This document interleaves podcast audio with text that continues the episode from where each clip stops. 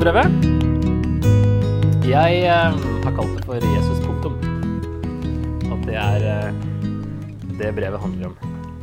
Og dette er brev som har eh, betydd litt ekstra mye for meg, tror jeg, siden jeg studerte det for faktisk 18 år sia har det nå blitt at jeg gikk på bibelskole. Herlighet. Det er snart et halvt liv siden. Så det er lenge siden. Men eh, det har fulgt meg, og det har vært veldig grunnleggende. Jeg håper at jeg får til å formidle noe av det som jeg oppdaga da, og som jeg har egentlig fått blitt friska opp i nå, når jeg har eh, sett på det. Tenkte vi skulle begynne med noen spørsmål. Hva er en god kristen? En som bruker tid med Gud i bønn hver dag.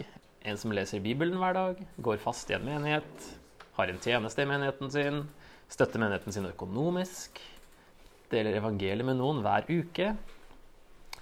Hva er det vi tenker på med en god kristen? Eller på den annen side, hva er, hva er en dårlig kristen? Så um, Galaterbrevet handler om evangeliet. Jeg fant et godt sitat av Tim Keller. Galatians is all about the gospel, the gospel all of us need throughout all of our lives. It's dynamite, and I pray that its powerful message explodes in your heart as you read this book. og det, det, er, det, er, et, som jeg skrev på Facebook, det er et eksplosivt uh, brev. Og jeg håper òg, og har bedt om, at uh, det skal eksplodere litt i hjertene våre i kveld. Det er veldig grunnleggende ting, og det er så utrolig bra å forstå eh, det denne boka handler om, hva evangeliet er. Eh, Luther var også begeistra for Galaterbrevet. Galaterbrevet er mitt brev. Jeg har trolovet meg med det. Det er min kone. Så det var også veldig stort for han. Og selvfølgelig med de brillene han leste Bibelen med da når han fikk øynene opp for hva evangeliet egentlig er.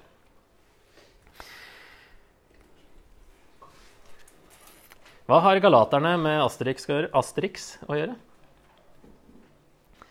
Det ligger jo noe i navnet. Gallere og galatere. Og faktisk så var det når de begynte å Disse gallerne eh, migrerte rundt og slo seg ned her og der. Noen da i dagens Frankrike, som vi kjenner til fra Asterix. Men så også noen som eh, migrerte helt til Lilleasia.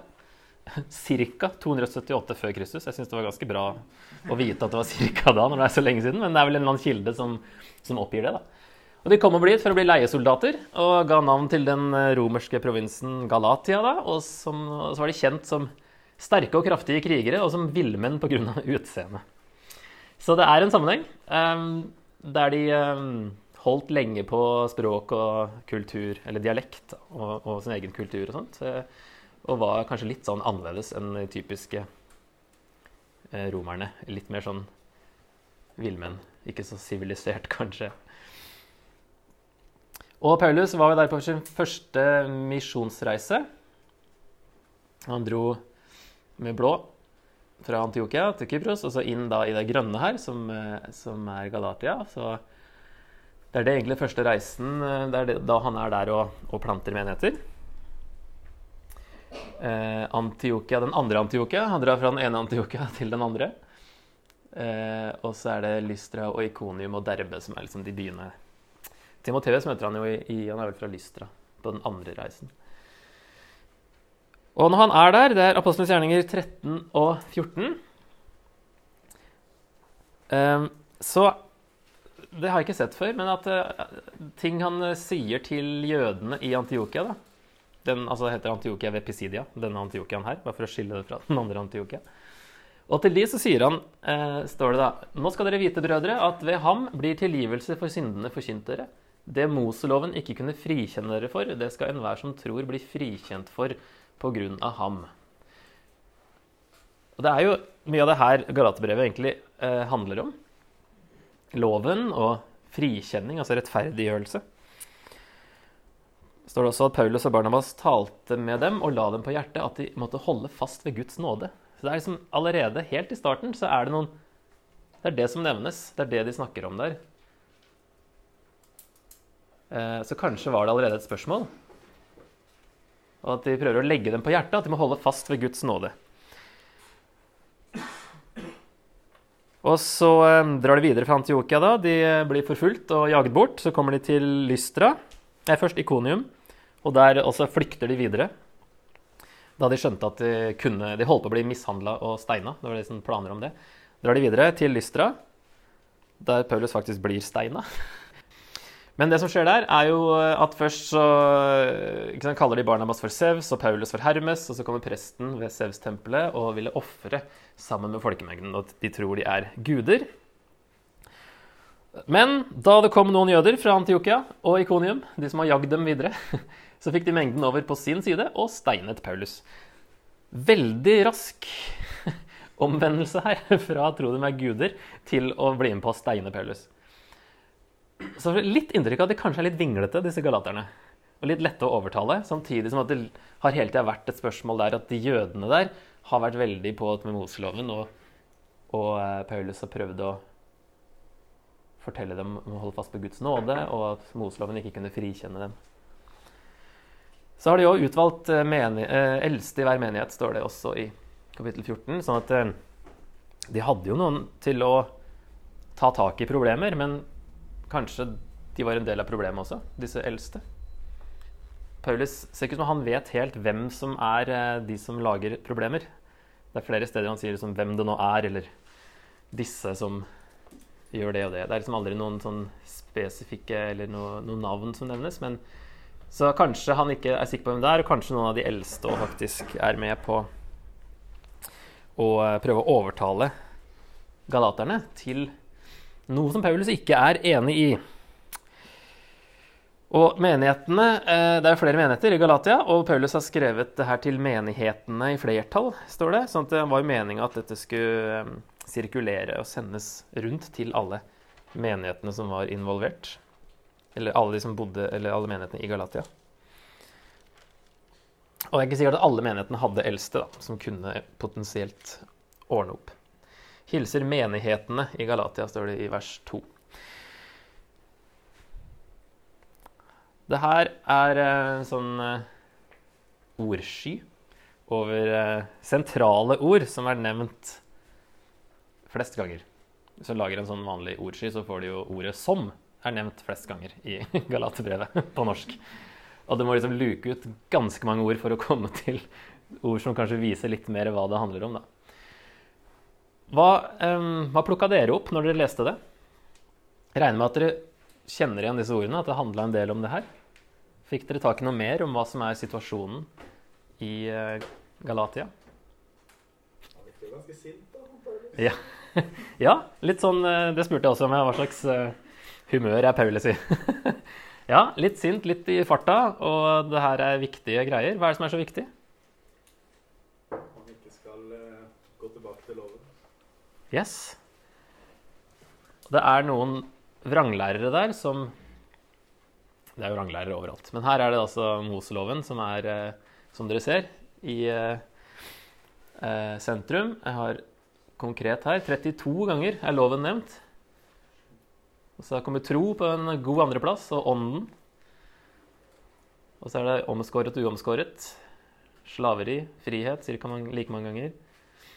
Evangeliet eller forkynne evangeliet, og rettferdig eller rettferdiggjøre. Løfte og nåde. Det var de som var av sånne, de sentrale ordene hvor mange ganger de var nevnt. da. Var det noe annet som la merke til noe mer når dere leste Galatbrevet, som dere har lyst til å nevne? Det er en sånn sammenheng mellom å være i evangeliet og ånden. Mm, absolutt. Mm. Ja. Ånden er nevnt mange ganger, som dere ser. Så det er veldig sentrale ting. Nå er ikke Moseloven så sentral for oss, men uh, likevel så skjønner vi uh, På en måte så er jeg veldig glad for disse vranglærerne som kom. Så fikk Paulus å skrive det brevet her, sånn at vi kan få så mye ut av det og forstå Få banka det inn, sånn som Paulus prøvde å banke det inn i galaterne, hva evangeliet egentlig er. Og hvor lett det er å lage en liten avart eller legge til noe eller Ja. Så det er veldig sentrale ting her, altså. Så eh, det jeg har eh, summert opp med, eh, situasjonen, er at vi kaller dem for judaister.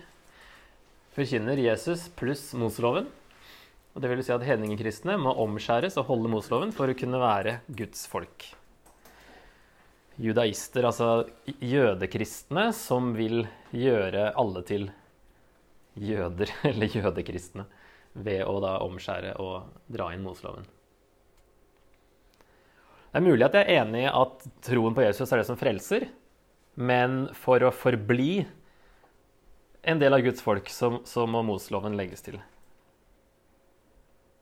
Eller det er også mulig at de mener at du faktisk da må omskjæres for å helt tatt komme inn i Guds rike. Det er kanskje litt vanskelig å forstå ut fra det Paulus skriver, akkurat hva de mente om det. Men Paulus er ganske klar på hva han mener, i hvert fall. Og hva tenker vi om evangeliet og hensikten med evangeliet? Er det først og fremst for de som er utenfor, de som ikke tror, for at de skal komme inn og bli en del av Guds folk? Og temaet er egentlig hva, hvilken rolle spiller evangeliet for oss som er på innsida? Hvis dere skjønner den fine nyansen der. Vi som allerede er en del av Guds folk, hvilken rolle spiller evangeliet for oss nå? Har det spilt sin rolle fordi vi har kommet inn, og nå er det andre ting som gjelder? Eller er det fortsatt evangeliet som gjelder? Enda et sitat av Tim Keller. The gospel is not only the way to enter the kingdom, it is the way to live in the kingdom. Som er det Paulus uh, snakker om her. Evangeliet hele veien. Også for oss som er innafor, så er det evangeliet som gjelder. Skal vi se hva det betyr.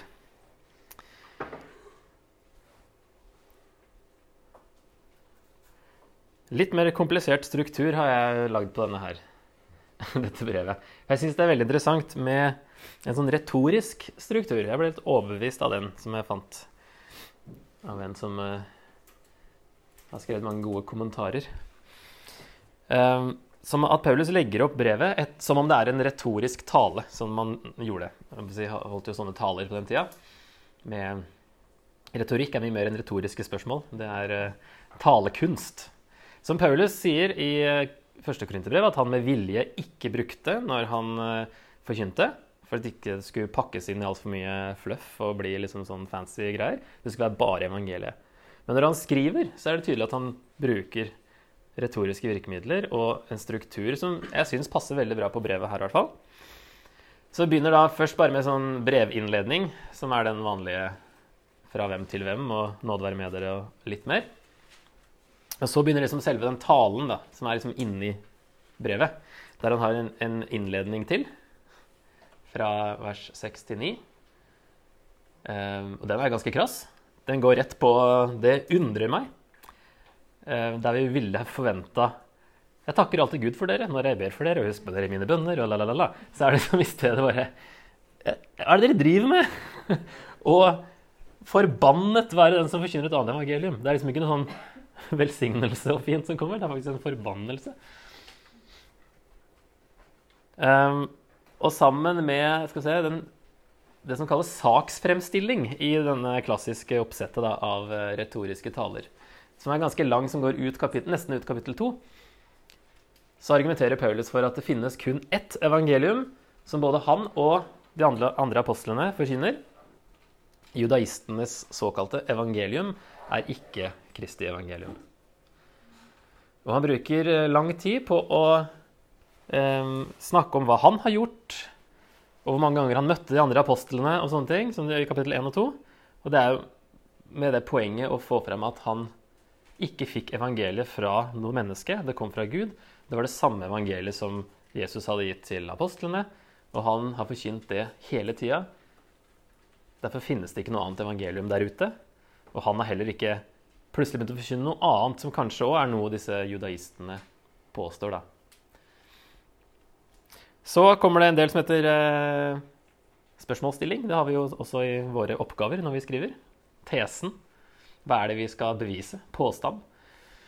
Hva er Moselovens rolle for en kristen? er liksom det Paulus først og fremst skriver om, og har tenkt til nå når han liksom har lagt fram eh, saken. kommer til spørsmålsstillingen. Så er det det han da argumenterer for i kapittel 3 og 4 og halvparten av kapittel Nei, 3, 4 og 5 og halvparten av 6. Så det er jo den største biten. Argumentasjon. Der vi kan nå ta med det som kalles avslutning, der han går Det er bare siste verset som er liksom en sånn eh, brevavslutning, da. Så i den argumentasjonsdelen så er poenget til Paulus at selv Abraham, som levde lenge før Moseloven kom, ble frelst ved tro og ikke ved lovgjerninger. Loven gjaldt bare fram til Jesus kom, og Kristus har satt oss fri til et liv i ånden.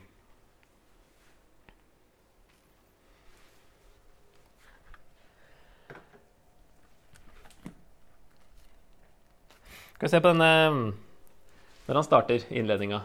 Det undrer meg at dere så raskt vender dere bort fra ham som har kalt dere ved Kristi nåde, og til et annet evangelium. Men det finnes ikke noe annet, det er bare noen som forvirrer dere og vil forvrenge Kristi evangelium.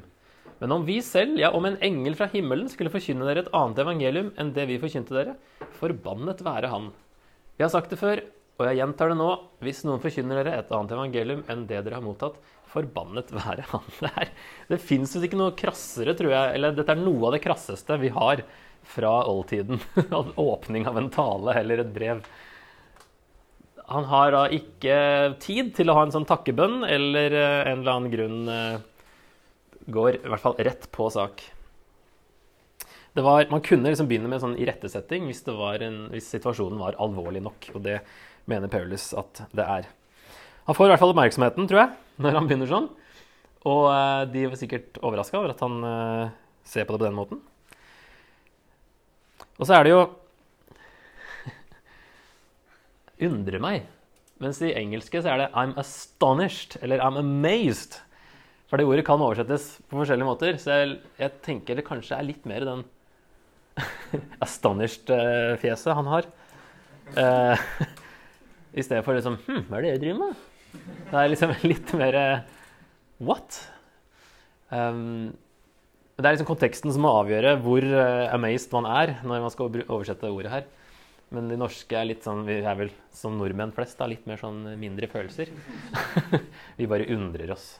Men uh, i engelsk bibler står det ofte da, når folk blir forundret og de undrer seg og sånn, i evangeliene, så det, blir de da astonished og amazed på engelsk. Så um, jeg tror Paulus er litt mer astonished. Og så sier han at uh, dere vender dere uh, så raskt altså Det er kanskje fordi han akkurat har vært der, og så har han kommet hjem, og så får han høre uh, hva som skjer der. Og så Hæ, jeg har liksom akkurat vært der. så raskt vender dere bort. Og de vender seg bort fra han som har kalt dem, altså fra Gud og fra Kristi nåde. Det er ganske alvorlig. Det at de vender seg bort fra Gud ved å da kjøpe et annet evangelium. Og Paulus sier det finnes ikke noe annet evangelium. Enhver forandring av evangeliet er ikke evangeliet i det hele tatt. Og så sier han at ingen, ikke engang han selv, kan komme med et nytt evangelium. Om en engel fra himmelen skulle komme med noe annet, så la den engelen være forbannet. Ingen kan endre på evangeliet. Så hovedtemaet er jo da hva er det sanne evangeliet?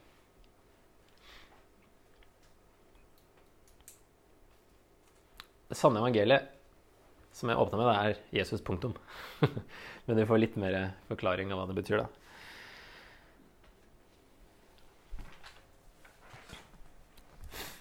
Så begynner han på denne eh, Snakker om seg sjøl. Superjøden Paulus ble hedningenes apostel fra vers 10 til 24. Prøver jeg, aner, nå anerkjent, prøver jeg nå å bli anerkjent av mennesker eller av Gud? Vil jeg bare være mennesker til lags? Var det fremdeles mennesker jeg ville være til lags, da var jeg ikke Kristi tjener. For jeg kunngjør for dere søsken, det evangeliet jeg har forkynt, er ikke menneskeverk. Jeg har heller ikke mottatt eller lært det av noe menneske. Nei, det var Kristus Jesus som åpenbarte seg for meg. Dere har jo hørt hvordan jeg tidligere for fram som jøde, hvor voldsomt jeg forfulgte Guds kirke og forsøkte å utrydde den. Jeg gikk lenger i min jødedom enn mange jevnaldrende i mitt folk, og brant enda sterkere av iver for overleveringene fra fedrene. Men Gud, som utvalgte meg allerede i mors liv og kalte meg ved sin nåde, besluttet i sin godhet å åpenbare sin sønn for meg for at jeg skulle forkynne evangeliet om ham for folkeslagene. Da spurte jeg ikke noen av kjøtt og blod til råds. Jeg dro heller ikke opp til Jerusalem, til dem som var apostler før meg. I stedet reiste jeg til Arabia og vendte siden tilbake til Damaskus. Først tre år senere dro jeg opp til Jerusalem for å få vite mer av Kefas, og jeg ble hos ham i 14 dager. Noen annen av apostlene traff jeg ikke, unntatt Jakob, Herrens bror. Gud vet at det jeg skriver til dere, ikke er løgn. Så dro jeg til Syria og Kilikia. Menighetene i Judea, de som er i Kristus, kjente ikke meg personlig. De hadde bare hørt at det ble sagt, han som før forfulgte oss, forkynner nå selv den troen han prøvde å utrydde. Og de lovpriste Gud på grunn av meg. Til nå så har evangeliet og mennesket blitt nevnt åtte ganger. Det er det man har snakka om eh, egentlig ja, kanskje ut med det verset her, da. Og poenget er at eh, han fikk ikke evangeliet av noen andre mennesker. Han fikk det direkte fra Jesus eh, i Damaskus-hendelsen og litt etterpå. Hvem vet hva som skjedde de tre dagene han var blind og satt der og måtte snu opp ned på alt han trodde var sant og riktig. Og han sier at han levde i jødedommen, sier han egentlig, der det står her eh, eh, For fram som jøde. Det står vel noe annet i andre oversettelser, tror jeg. Hvordan jeg levde som jøde. Hvordan jeg levde i jødedommen. Og, så for Paulus er det å følge loven som jøde et avslutta kapittel. Som endra seg kraftig da Jesus eh, kom. Så det han vil si her, er at når de galaterne tenker på å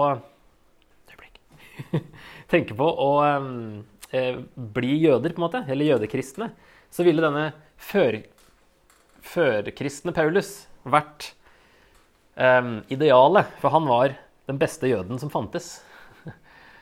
Eh, hvis de nå velger å bli jøder, så, så, vet Paulus bedre enn noen annen hva det vil si. Og for han så var ikke det livet forenlig med troen på Jesus. Han forfulgte jo de kristne, ikke sant? for han var så superjøde. Eh, mens eh, ja, Og han sier han gikk lenger enn alle på sin alder og var liksom ja, ekstra hengiven. Og det ser vi, han er jo alltid litt ekstra hengiven. Han er alltid supergira på det han gjør. Så det var et veldig strategisk valg, tror jeg, av Gud å bruke Paulus, som aldri gir opp, og bare peiser på. Ja. Bare la merke til en sånn greie, for i min bibel Når du leste, så sto det 14 dager. Ja. Men i min så står det 15. Der står det 15. Yes. Og i den står det 14. Ja, Men nemlig. Ja, jeg la også merke til det. Jeg har aldri sett at det sto noe annet. Men 15 er bokstavelig okay. det som er riktig. Men det blir ofte brukt om to uker. Så jeg, jeg skjønner liksom ikke hvorfor de har kunne godt stått 15 dager i alle bibler. eh, når det er det det står. Men eh, man vet ikke, inkludert en reisedag eller noe sånt på to ukers tur. Men, eh, men ja, bokstavelig så er det 15, men uttrykket betyr liksom 14 dager også. Ja, okay, Så, Så. Ja. Ja, det ble liksom brukt visstnok om Ikke alltid nøyaktig 15 dager. Ja. Men jeg har heller aldri sett det før, at det var forskjellig. Så det var veldig interessant.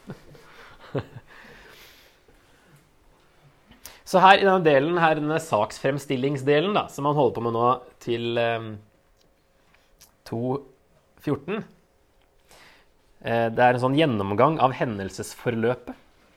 Der eh, nødvendig bakgrunnsinformasjon eh, skulle nevnes. Og man tok det som regel i kronologisk rekkefølge, det gjør Paulus også. Og det skulle etablere da karakteren og etos til taleren, at han var til å stole på. Og at han eh, hadde integritet, samsvar mellom eh, hvordan han levde og han, hvordan han talte. Så det er det han driver med her. Eh, og så kommer han da i eh, Han sier først at han ikke har vært eh, Han tok tre år før han dro opp og besøkte Peter, da, som kalles Kefas her, for å um, vite mer av Kefas, står det. Kan også oversettes å bli kjent med Peter. At han hadde ikke møtt ham før. Så han dro dit etter tre år. Men før det så forkynte han da han var i Arabia. Og så eh, sier han fra kapittel 2.: 14 år senere reiste jeg igjen opp til Jerusalem sammen med Barnabas, og jeg tok også Titus med meg. Jeg reiste dit på grunn av en åpenbaring. I et eget møte med de mest ansette la jeg fram det evangel evangeliet jeg forkynner blant folkeslagene, for jeg ville ikke løpe eller ha løpt forgjeves. Men ikke engang Titus, som var med meg, og som er greker, ble tvunget til å la seg omskjære. Dette kravet kom fra noen falske søsken som hadde sneket seg inn for å spionere på den friheten vi har i Kristus Jesus, så de kunne gjøre oss til slaver. Men ikke et øyeblikk ga vi etter og bøyde oss for dem, for vi ville at evangeliets sannhet skulle stå fast hos dere. Og de mest ansette, hvor store de er, betyr ingenting for meg, for Gud gjør ikke forskjell på folk. De stilte meg ikke overfor nye krav. Tvert imot innså de at det er betrodd meg å forkynne evangeliet for de uomskårne, slik det er betrodd Peter å forkynne for de omskårne. For han som gjorde Peter til apostel for de omskårne, han gjorde meg til apostel for hedningefolkene.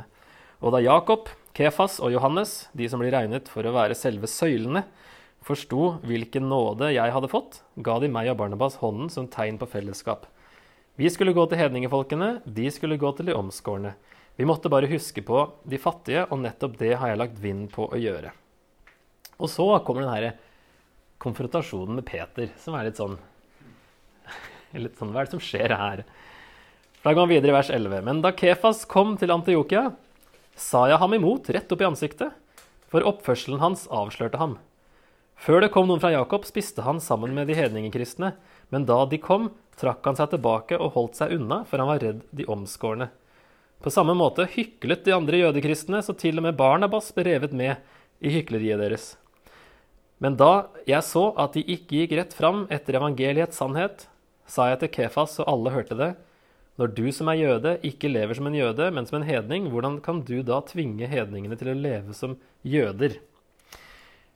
I den bibelen her så er det, da stopper sitatet med vers 14, men det er litt forskjellig i uh, utgaver hvor uh, anførselstegnet kommer. Noen har det helt til slutten av uh, kapittelet. Og vi skal ta, se på neste biten, den påstandsbiten, som da kanskje begynner i vers 15 etterpå. Men Um, det er ikke sikkert så veldig mange reagerte når de akkurat hadde lest Apostlenes gjerninger. Uh, og så kommer det her det Paulus sier med hvor han var og hva han gjorde. Det er ikke sikkert så mange av dere reagerte på at det her var litt sånn rart. Det ser ikke ut til å stemme helt. Eh, så vi prøver å, å, hjelpe på det i, i, uansett, da. Men for det her er også en måte å finne ut når brevet ble skrevet på. Og eh, blir litt sånn eh, vise hvordan man kan finne ut av sånne ting som ser ut til å være motsetninger. Og også slå et slag for Bibelens troverdighet. på at det, det, det er nært å stole på. Så Galatebrevet og Apostelens gjerninger Greia er at I Apostelens gjerninger så er, det, er han tre ganger. Det er tre besøk som nevnes. Og apostelmøtet i kapittel 15 er det tredje. Der Peter og alle apostlene er enige om at eh, hedningkristne de trenger ikke å, å, bli jøder og bli omskjært og få Moseloven. Så der er jo Peter eh, veldig på, på, samme side som, eh, som Paulus og, og, alle andre. Um, og så er det den nye informasjonen at han var i Arabia i tre år. Det sier han jo bare her. Og det har vi jo ikke noe i Apostelens gjerninger. Også sånn innblikk i hvordan, kan, hvordan Lukas skriver også, da, får vi se. Det mange poeng med å gjøre dette her. Det som er vanlig, da, er å eh, sette at det, det som er det andre besøket, det som han nå um, etter 14 år, i kapittel 2, at det er det apostelmøtet. Og at denne um, konfrontasjonen med Peter skjer etter at alle har blitt enige om at dette her er vi enige om. Og så likevel så driver Peter med noe helt annet. Um, for det er, noe, altså det er jo greit med Jesus, uh, Paulus møte Jesus på vei til Damaskus. Den er grei. Og så eh, kobler vi sammen det som det er det andre besøket her, med det tredje besøket i apostelens eh, gjerninger. Eh, og da blir det òg litt sånn spørsmål da, om det som er det første her, er det som er det andre der. Fordi, som sagt, hvis det her skjer eh, Hvis eh, Peter kom til Antiokia, den her i kapittel 2, den konfrontasjonen, hvis den skjer etter apostelmøtet i kapittel 15, hva i all verden går det av Peter? hvis alle har blitt enige, alle, de har skrevet et brev og sendt rundt til menighetene om at det her ja, dette her, Judaistene de mener noe annet. Vi apostlene vi mener at det ikke skal legges til. Og så er det også det når Paulus understreker kraftig da, jeg vitner for Gud at jeg ikke lyver. Jeg dro ikke opp før det har gått tre år. Mens i Apostelens gjerninger så høres det ut som han drar eh, med en gang etter tre dager. så drar, eh, så drar han til Jerusalem. Men han sier 'jeg ljuger ikke, vitne for Gud'. Jeg var tre år borte først, før jeg dro for å møte Peter. Så eh, i stedet så foreslår jeg sånn at første besøket i Jerusalem, eh, til Jerusalem i, hos Paulus her er det samme som første besøk i Apostelens gjerninger. Det andre Ja, så drar han til Syria og Kilikia, sier han her. Og i, han sier at eh, Lukas sier at han dro til Cesarea og så til Tarsos. Tarsos ligger i Kilikia. Så om, altså snakker kanskje om Syria og Kilikia som området han oppholdt seg i etter det første besøket. Det ser til å stemme. Eh, kanskje båten gikk til Antiokia også, og det ligger i Syria. Hvis, det, hvis han mener det så bokstavelig at han dro til Syria før Kilikia. Men det kan jo bare være at etter dette så var jeg i Syria og Kilikia. Så det passer. Så blir det andre besøket det andre besøket. Eh, og det passer bedre Altså det her, hvis vi leser disse versene da, i andre Nei, i Apostelsgjerninger 11 Det er liksom før Peter, nei, Paulus blir hovedpersonen i Apostelens gjerninger. Men eh, det står fra 27, da. 11.27. På den tiden kom det noen profeter fra Jerusalem til Antiokia. En av dem, han som het Agabos, sto fram og varslet ved ånden at en stor hungersnød skulle ramme hele verden. Det var den som kom, under keiser Claudius. Da ble disiplene enige om at hver av dem skulle gi så mye han kunne avse, for å hjelpe de av søsknene som bodde i Judea. Dette gjorde de, og de sendte gaven med Barnabas og Saulus til de eldste. Så ehm, han sier at han ehm, dro dit pga. en åpenbaring, sier han i Galaterne her. Og at han hadde et eget møte med apostlene. Og at de bare ba han om å huske på de fattige. Og han sier at det har jeg alltid Eller det har jeg allerede tenkt på. Det har jeg alltid vært ivrig etter å gjøre. Og det passer jo ganske greit med det vi leste nå, at han dro dit pga. Agabus sin profeti, altså en åpenbaring. Det var et eget møte med apostlene, derfor nevnes det ikke av, eh, av Lukas. For det var et privat møte på bakrommet. Og husk på de fattige. det er jo, Paulus drar dit jo med en gave. Altså Det er jo derfor han er der, pga. de fattige, eller de som trengte eh, penger eller mat i Judea, Jerusalem og Judea. Så det passer eh, mye bedre at det andre besøket er det andre besøket. Eh, og så drar han tilbake igjen til Antiokia i 1225. Da Barnabas og Saulus hadde fullført sitt oppdrag i Jerusalem, dro de tilbake, og de tok med seg Johannes, som hadde tilnavnet Markus. Og så begynner første misjonsreise etter det, da. Eh, så det På den tida her, i det kapittelet 12.1 så står det på den tiden la kong Herodes hånd på noen i menigheten og for hardt fram mot dem. Det blir forfølgelse under da Herodes. Og så står det i vers 23 at eh, da dør Herodes. ehm, og det vet vi fra andre kilder skjedde i år 44. Så det er den vi kan jobbe ut fra. at uh, gjerninger 12 skjedde i år 44. Og hvis det er da etter det andre besøket, så skal vi prøve å plassere ting her. Så det ville for så vidt da det andre besøket å være i år 44, siden eh, de drar tilbake verset etterpå. To vers etterpå. Um,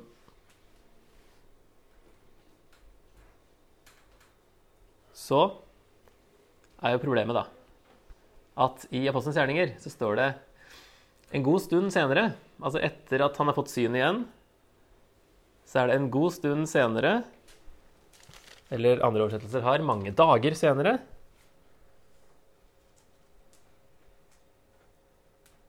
la jødene planer om å drepe ham.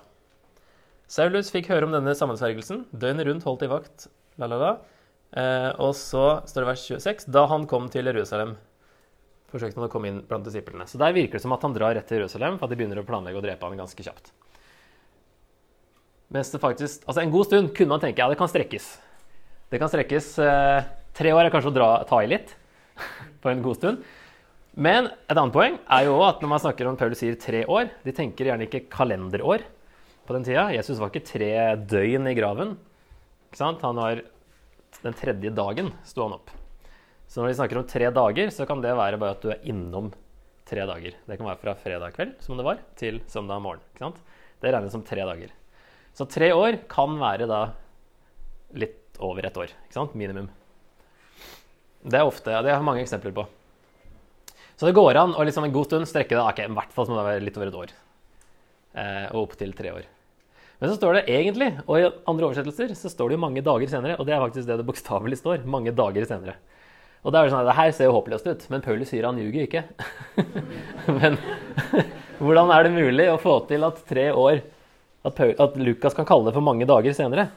Hvis det er eh, veldig mange dager senere. Um, og det er jo tydeligvis et uttrykk som kan bety ganske lang tid. Som jeg fant i um, andre Mosebok 2,11, i den greske versjonen der, da, der det snakkes, samme, snakker mange dager, så er det fra Moses er liten til han er voksen.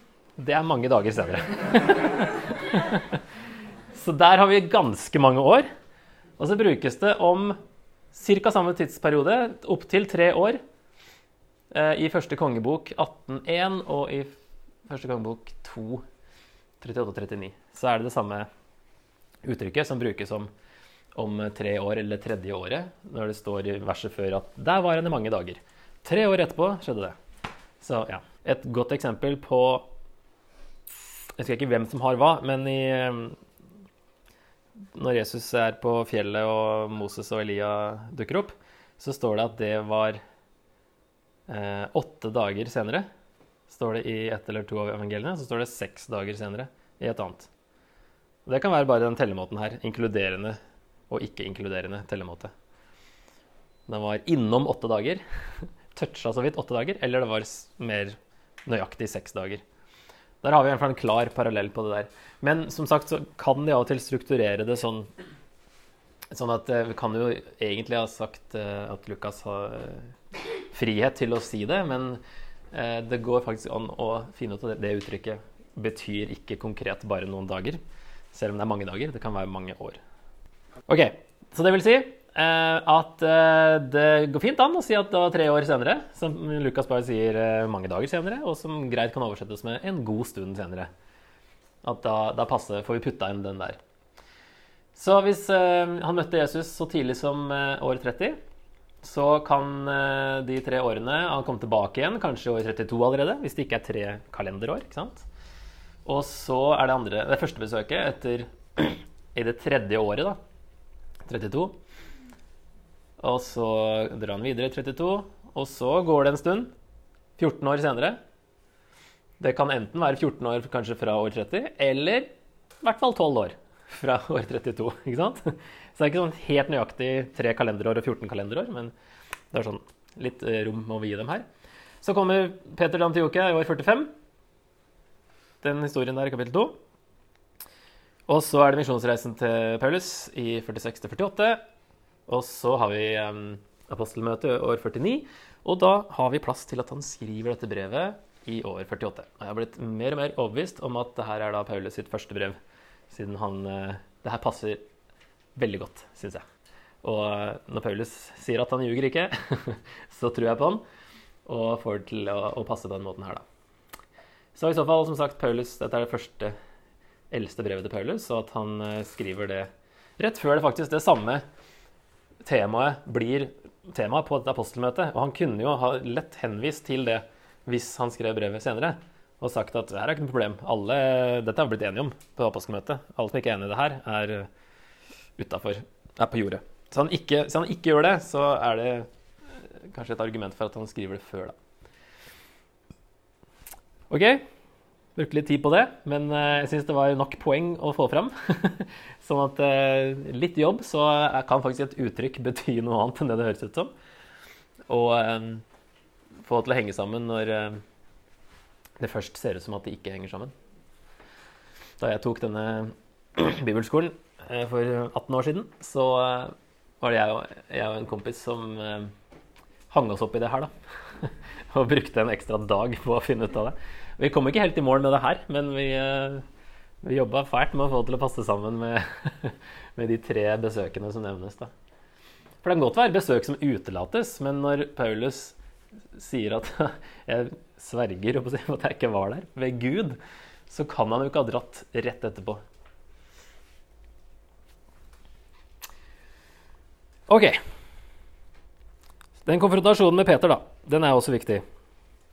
Um, han sier at Peter spiste sammen med hedningene helt til det kom noen fra Jakob. Og da er det kanskje vanlig å tenke at dette var judaister som kom, som skremmer Peter til å trekke seg unna hedningene. Men hvorfor ville Peter gjøre det når han allerede hadde forsvart seg i Jerusalem om akkurat det her, i Apostelens gjerninger 11, som da vil være før dette her? Eh, Der han eh, har vært hos Kornelius og vært hos hedningene, og de jødekristne reagerer på det. Og Paulus, Peter forklarer ja, men de fikk jo Den hellige ånd uten at eh, vi gjorde noen ting. Det er jo tydelig at Gud vil at de skal bli en del av Guds folk, bare sånn som de er. Så slo de seg til ro med det, da, de andre også, står det. Så Peter vet jo hva som er riktig. Eh, og vil han da bli, bli redd for dem, eller redd for noen lignende, hvis eh, de nå kommer og sier at eh, dette, dette er noe han ikke skal gjøre? Eller er det vanlige jødekristne? Altså, De kom fra Jakob, står det. De kom ikke fra Jerusalem. Hvorfor i all verden ville Jakob sende judaister? Det er jo et godt spørsmål. Som var, altså, Jakob var nå leder av menigheten i Jerusalem. Og Paulus viser de her mer respekt. Han kaller dem noen fra Jakob. Eh, mens de i vers 4 er jo sånne spioner og har sneket seg inn og bruker veldig sånne negative uttrykk. Så det høres ut som noen andre ikke fullt så ille personer. Og så er det dette med at Peter var redd for de omskårne, står det i vers 12. på slutten. Det er derfor han trekker seg unna, for han var redd for de omskårne, altså jødene. Og da eh, er det ofte vanlig å tenke at det er disse judaistene han er redd for. Og på engelsk står det ofte faktisk 'The Circumcision Party', som høres ut som en, skikkelig spesiell gjeng. og da legger det litt føringer, da. Eh, litt mer enn når det bare står 'de omskårne'. For det kan jo være en jøde som tror på Jesus, og en som ikke tror på Jesus. Egentlig. Eh, så er det judaister, eller er det noen andre jøder han er redd for? Og vi var innom uh, Apostelens gjerninger 12, der Herodes starta en forfølgelse ca. på den tida rett før dette her, da. År 44. Og hvis Paulus kommer i år 45, så er det ganske ferskt. Um, han forfølger da de jødekristne i Jerusalem, og det er da på den tiden her Peter kommer til Antiokia. Så hvis det ligger bak, forfølgelse i Jerusalem, det kommer noen fra Jerusalem, så uh, er det her et forslag til historisk rekonstruksjon som får uh, renvaska Peter litt. Og um, som jeg syns er veldig uh, overbevisende, egentlig. Ut fra hva Paulus sier her òg. Um, ja. Rykter om at Peter spiste med hedninger, spres til Jerusalem. Han er jo en ganske profilert person. Um, og det fører til økt forfølgelse av de jødekristne i Jerusalem, av da jøder som ikke tror på Jesus som bare blir mer og mer sinte pga. dette her. At uh, andre jøder omgås hedninger. Så får Peter høre om det fra noen fra Jakob som kommer. Og som apostel til jødene føler han et spesielt ansvar overfor de jødekristne. Og det står at han trakk seg tilbake, og det er egentlig et sånn militært eller politisk uttrykk som kanskje Paulus bruker for, eh, siden her var mer taktikk eh, strategi og ikke overbevisning. Ikke at, Paul, at, Peter ble overbevist om at han gjorde noe Peter ja, ble overbevist om at han, at han, gjorde noe galt, men at han tenkte at det var best å gjøre det. Eh, så eh, Peter tenker veldig sånn OK, hva gjør jeg nå i en situasjon her? Det er best å trekke seg tilbake, så det ikke blir mer bråk for de i Jerusalem, og at det ikke blir mer forfulgt. Det er ikke noe vits. Mens Paulus ser da lenger fram og ser at det her vil føre til en splitta kirke, kanskje to kirker hvor de hedningkristne må tenke på å bli jøder for å kunne liksom godkjennes. Så det er kanskje litt sånn langsiktig, kortsiktig tenkning. Eh, og de er uenige. Det er ikke sikkert Peter ble overbevist av det Paulus eh, sier heller. Det er ikke sikkert vi må være enige med Paulus heller, bare fordi han har skrevet det brevet her. Men det er i hvert fall sånn de så på saken, hvis dette her kan stemme. Men da løsriver du det egentlig fra apostelmøteargumentasjonen din, da? Ikke det? På hvordan, hvilken Da da kan dette like så godt finne sted etter apostelmøtet. Hvis det er faktisk og ikke Ja, men uansett så finner, finner det sted etter at Peter har forsvart eh, at han har vært hos Kornelius Ja. i kapittel 11. Så uansett så stiller det Peter i et dårlig lys eh, hvis det er overbevisning. For han har tidligere stått for noe annet. Pe kaller det for hykleri, så han er jo ganske sånn sint på dette her. Men jeg, jeg tror liksom Peter eh, Jeg skjønner ikke hva han driver med da. Og jeg vet ikke om Peter ville vært enig i at det var hykleri, men at det var taktikk. Mens Paulus mener at nei, nå må vi holde oss til én ting her. Det her eh, går galt etter hvert hvis dere fortsetter sånn. Det har han nok rett i. Men når han står at han er, at han er redd for de omskårne, så, så er jo det da i så fall, ifølge den her, så er det ikke for sin egen del, men for de som blir forfulgt, at han er redd for de omskårne. Og i så fall så utelates det jo en del detaljer fra Paulus da, som ville forklart det bedre. Men altså, selv om, man har, selv om man er overbevist om det samme som Paulus, så Mm. kan man på en måte ha et svakt øyeblikk. Og vi trenger jo å bli rettsatt av andre, på en måte. Jo, men her får han jo med seg Barnabas og alle. Alle kan ikke plutselig ha blitt overbevist om noe annet, mener jeg da. Og Paulus sier jo selv Barnabas ble revet med. Og Barnabas har jo vært mentor for Paulus som i starten. Og han som tok han med og gikk god for han Og jeg syns det er veldig rart om alle de jødekristne da skulle plutselig svikte på det punktet. Paulus, i hvert fall, Poenget til Paulus er at han aldri har drevet med noe hykleri. Han har alltid stått for evangeliet. Stått for um, det samme som han har forkynt dem, og alltid. Eh, så bedømmer de kanskje situasjonen på ulik måte her. Men eh, Peter, eh, Paulus har i hvert fall eh, vist seg da å være en som er ærlig og troverdig. Og at apostlene har vært enig med, eller var enige med han om at de har samme evangelium, de bare går til forskjellige grupper.